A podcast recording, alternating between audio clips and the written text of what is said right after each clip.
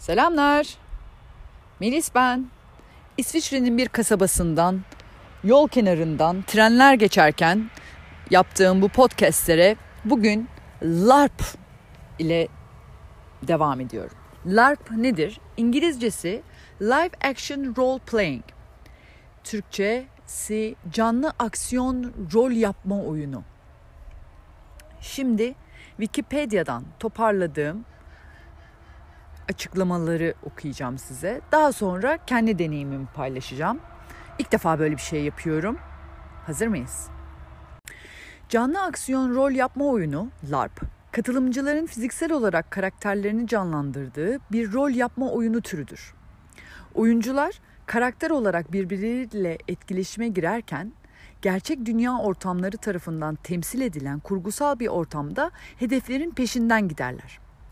Oyuncu eylemlerinin sonucuna oyun kuralları aracılık edebilir veya oyuncular arasındaki fikir birliği ile belirlenebilir. Oyun yöneticileri olarak adlandırılan etkinlik düzenleyicileri kullanılacak ayar ve kurallara karar verir ve oyunu kolaylaştırır. İlk LARP'lar 1970'lerin sonlarında masaüstü rol yapma oyunlarından ve buna benzer kurgulardan esinlenerek başladı. Oyun 1980'lerde uluslararası olarak yayıldı ve çok çeşitli tarzlara dönüştü. Oyun çok oyuna benzer olabilir veya daha çok dramatik veya sanatsal ifadeyle ilgili olabilir. Etkinlikler eğitimsel veya politik hedeflere ulaşmak için de tasarlanabilir. Kullanılan kurgusal türler gerçekçi modern veya tarihi ortamlardan fantastik veya fütüristik dönemlere kadar büyük farklılıklar gösterir. Üretim değerleri bazen minimum düzeydedir ancak ayrıntılı mekanları ve kostümleri içerebilir. LARP'ların boyutları birkaç saat süren küçük özel etkinliklerden binlerce oyuncunun günlerce sürdüğü büyük halka açık etkinliklere kadar çeşitlilik gösterir. Şimdi kısaca bunun hikayesini anlatacağım size. Ben bu canlı aksiyon rol yapma oyununa nasıl bulaştım? Eşim Jil ilk tanıştığımız anda itibaren bana bunu anlatmaya başladı. Daha önce masa üstünde oynanan rol yapma oyunlarını biliyordum. Yani ona nasıl deniliyor? Masaüstü rol yapma oyunları. Evet bunu biliyordum ama daha önce hiç oynamamıştım. Bana nasıl bu dünyanın içinde olduğunu ve bu dünyayı anlatmaya başladı bana. Şimdi ilk duyduğum zaman çok anlayamadım ne demek oluyor bu. Doğaçlama gelişen bir tiyatro oyununu hatırlattı bana. İlk oyunum Kutulu. H.P. Lovecraft'ın hayal dünyasından çıkan bir varlık. Size kısaca H.P. Lovecraft'ı okuyacağım. Benim için çok yeniydi. Ne kadar fantastik dünyalarla ilgili olsam da Lovecraft'ı kaçırmışım. Çünkü daha korku tarafına yakın bir yazar kendisi ve ben korku filmlerinden, kitaplarından herhangi bir korku içeren herhangi bir üründen hep uzak durmayı tercih ettim. Hiç izlemedim. Bir iki kere var. Hani sadece sesiyle duyduğum kabuslar var. Ve korkunç rüyalarımı hatırlarım, bilirim. Korkunç çok korkunçtur benim için, bilmiyorum. O yüzden ki, manyak arkadaşlarım vardı öyle. Korku korku korku filmi izleyen.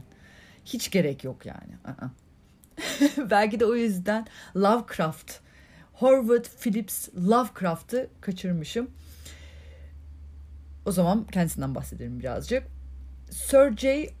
Oganesyan'ın yazısını çevirdim. Sizler için, kendim için onu okuyacağım. Howard Phillips Lovecraft Amerikalı tuhaf, bilim, fantezi ve korku kurgu yazarıydı. Lovecraft en çok kutulu mitos olarak bilinen bir eser yaratmasıyla tanınır. Lovecraft 20. yüzyılın başlarında yaşayan ve yoksulluk içinde ölen ünlü bir yazar. En azından söylemek gerekirse son derece tartışmalı görüşlere sahip bir adam ve tüm zamanların en etkili korku yazarı. romanlarının bu türün büyük bir bölümü üzerinde muazzam bir etkisi olmuştur. Edebiyat, sinematografi ve video oyunları sadece bunlardan bazıları. Ve Lovecraftian tarzının gerçekten parladığı şey sadece garip ve rahatsız edici canavar tasarımları değil, aynı zamanda çalışmalarını bu kadar benzersiz kılan derin psikolojik hatta felsefi yaklaşımdır. Lovecraft o zamanlar korku türünde yeni bir kategori olan kozmik korkunun babası olarak bilinir. Soğuk ve temelde yabancı evrende insanlığın önemsizliğini vurgular. Lovecraft'a göre insanlık uzayda küçük, cahil bir maddedir ve çok daha güçlü ve eski sayısız başka varlık vardır. Bu varlıkların bazıları o kadar anıtsal ve yücedir ki onların varlığı bizim kavrayışımızın çok ötesine geçer. Bu arada Lovecraftian yaratıklarının tartışmasız en popüleri olan Cthulhu bu tanrı benzeri varlıklardan biridir. Neyse ki mutlak çoğunluğumuz ve biz derken insanları kastediyorum onların varlığından bile haberdar değiliz. İlk oyunumda herhangi bir rolüm yoktu. Zaten Fransızca konuşuluyordu. Oldukça e, uzaylıydım zaten duruma. Bir yandan da adapte de olmak istiyorum. Yani çünkü bir nükleer barınağın içindeyiz. Şimdi bu çok enteresan bir hikaye. İsviçre'ye ilk geldiğimde yaşadığım garip hikayelerden bir tanesi. Eski bir nükleer barınağından bahsediyorum. Ve her şeyiyle orada. Artık böyle turistik bir yer havasında. Müze gibi ve aynı zamanda işte etkinlikler için kiralanabiliyor. 100 metre uzunluğunda bir tünelde olduğunuzu düşünün ve belirli noktalarda o tüneller sağ ve sol olarak ayrılıyor. İşte e, tuvalet var, uyuma alanı var, yemek yeme alanı var, mutfak var. Sonra bir süre daha böyle uzun bir tünel daha devam ediyor. Ve belli bir süre sonra artık böyle odalar pek oda bulamıyorsunuz. Ama işte belirli alanlar var. Şimdi bunun fotoğraflarını paylaşamayacağım çünkü fotoğraf çekemedim. Ama bir nükleer barınak nasıl gözükür görüntüsü geliyorsa aynen öyle. Tabii aydınlık ama belirli alanlarda çok karanlık ve çok soğuk. Böyle bir ortamda oynanıyor oyun. Yaklaşık 70-80 kişiyiz ve hikaye şu. Oyun 1980'lerde geçiyor ve İsviçre'de o alanda geçiyor ve aniden bir nükleer sızıntı haberi geliyor ve o yüzden asker o bölgedeki insanları toplama görevine çıkıyor. Kim varsa işte atıyorum 20 kilometrelik bir alanda o herkesi topluyor ve tünelin girişinde bütün karakterleri görüyoruz o sırada. Ve hepsi tünele girerken kayıt yaptırıyorlar. Benim de bir karakter yaratmam gerekiyor. Oyun oynamayacağım. Ancak hani olursa diye insanlarla eğer iletişime geçmek istersem, onlar beni merak ederlerse ve şöyle bir şeyle geldim ben. Ben İranlı bir kadınım ve ismim de Michelle Lemon. Bunun fotoğrafı var oyundan. Bunu Instagram'da paylaşacağım tamam mı? Öyle yapalım. Michelle Lemon. Çünkü şöyle bir durum var işte herkes toplanıyor ve bir kayıt hali var ve orada Polaroid makine getirmişler. Herkesin fotoğrafını çekiyoruz, isimlerini yazıyoruz. Böylece kayıt almış oluyoruz ve içeriye girerken herhangi bir işte yemek varsa, işte silah varsa, işte kamera varsa gibi gibi şeyleri askerler topluyor. Ve sonrasında doktorlar var. Doktorlar da kontrole alıyorlar. Ve tünelin içinde gelişiyor bunlar. Yani askerler var, doktorlar var ve etraftan toparlanmış insanlar var. Ben kendimden bahsediyordum. Michel Lemon. İranlı bir gazeteciyim. İsviçre'de şöyle bir durum var. Kadınlar seçme hakkını 1971'de elde ediyorlar. Ne kadar garip bir rakam değil mi? Ne kadar geç. En geç ülkelerden bir tanesi. Ve 1971'de elde etmiş olsalar da daha bitmiyor. İsviçre Anayasası'na kadın ve erkek eşittir ifadesi bir 10 yıl sonra 14 Haziran 1981'de kayıt düşülüyor. Çok enteresan. Ve benim karakter Michel Lemon bunu araştırmak için ne olduğuna dair kadınlarla görüşmek için İsviçre'ye geliyor ve o bölgede bir doğa yürüyüşüne çıkmışken bir anda askerler alıyor ve bu nükleer barınağa getiriyorlar. ve şimdi şöyle bir durum var benim için İsviçre'de dağların içinde nükleer sığınaklar varmış, barınaklar varmış. Bildiğin şehir efsanesi gibi bir şey. Şimdi bir anda kendimi onun içinde buldum. Çok enteresandı ve bir yandan hayatımda ilk defa bir karakter bu şekilde oynayacağım. Çok enteresandı, çok he, e, benim için heyecanlıydı ve ilk görev olarak işte bu insanlar giriş yaparken fotoğrafları ben çektim Polaroid ile onlara yardım ettim.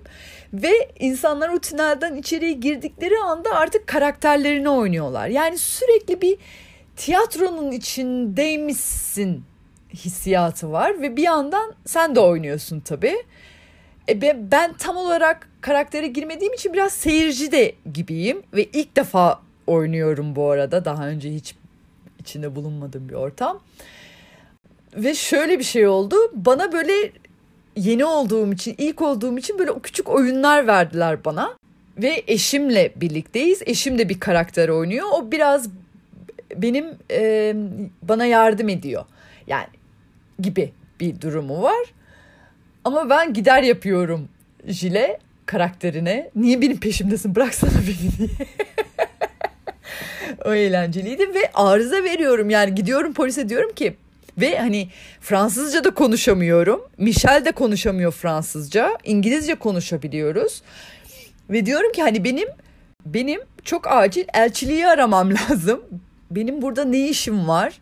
Hani ne oluyor? Bana bunu açıklayın. İşte telefon edebiliyor muyum?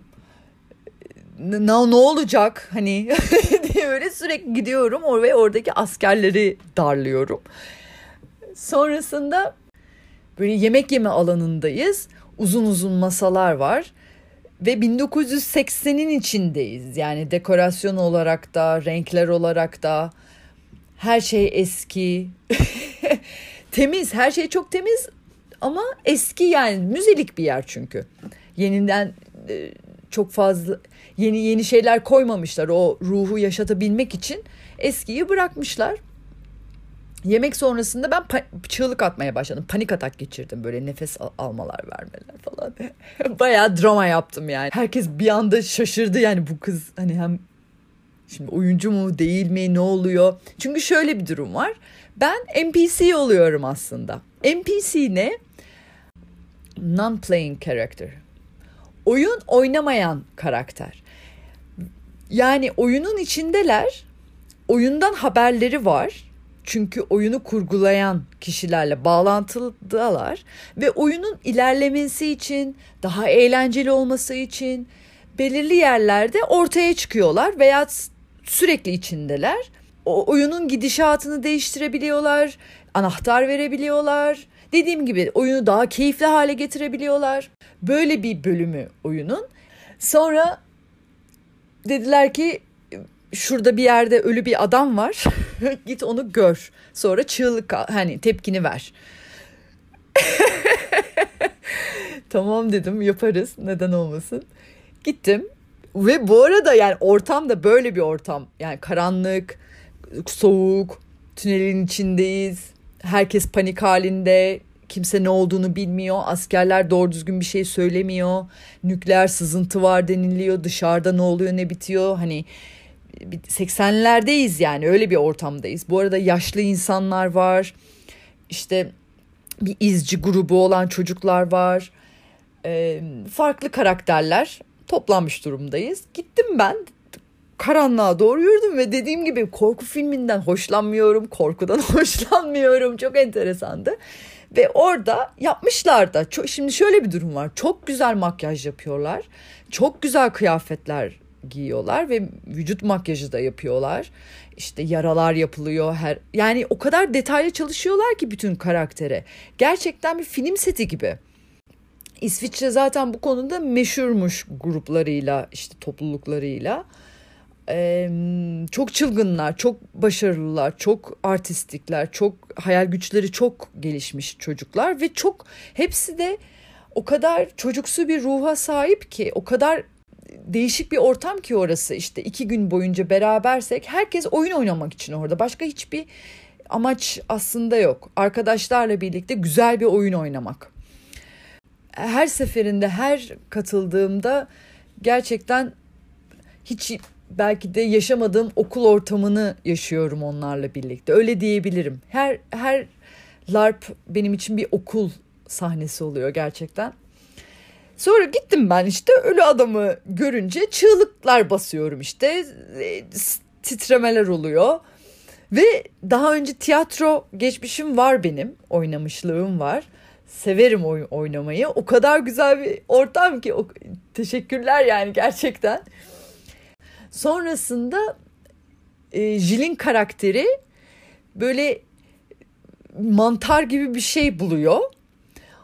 Ve izci grubuyla birlikte gelin diyor hadi bu mantarı bakalım neymiş yiyelim bu mantarı diye. Bu tünelin daha en aşağısına doğru ilerliyoruz ve böyle sakin bir yer bulmaya çalışıyoruz. İşte bir sağa doğru bir tünel var, sola doğru bir tünel var. Hadi sola doğru gidiyoruz.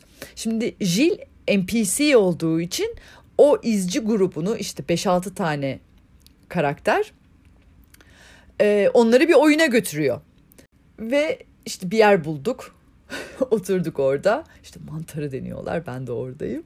Ve tünel devam ediyor böyle kapı gibi değil de hani böyle ileriden devam ediyor ve tam karşımda o tünelin hani böyle biraz daha aydınlandığını görüyorum. Sonra karanlık oluyor artık.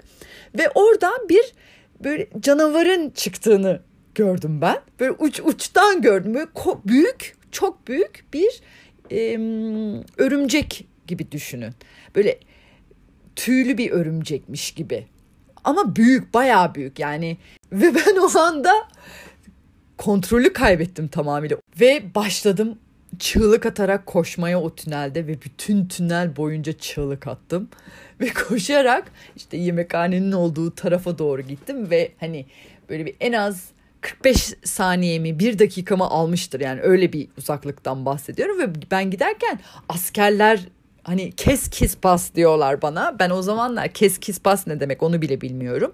O kes kis pas kes kis pas ne oluyor neler oluyor diyorlar bana ama ben böyle fu fu diye askerleri geçerek en sonunda yemekhane ve ışığın olduğu yere gidiyorum ve orada böyle İnsanlar geliyor ne oldu diyorlar. Ay, yok Fransızca yok İngilizce birkaç bir şey söylüyorum anlamıyorlar. Bana inanamıyorlar çok fazla da hani kimisi dinliyor kimisi dinlemiyor gibi gibi şeyler. Ben bunu yaşadıktan sonra arkamızdan izci grubu geliyor izci grubu işte mantarı yediklerini ve kafalarının çok güzel olduğunu ve o yüzden böyle bir canavar görür gibi olduklarını söylüyorlar ve inanmıyorlar canavarı gördüklerine. O akşam bittikten sonra oyun kurucularıyla konuştum ben. Ya iyi güzel harika tamam da hani bir karakterim yok. İnsanlar soru soruyor.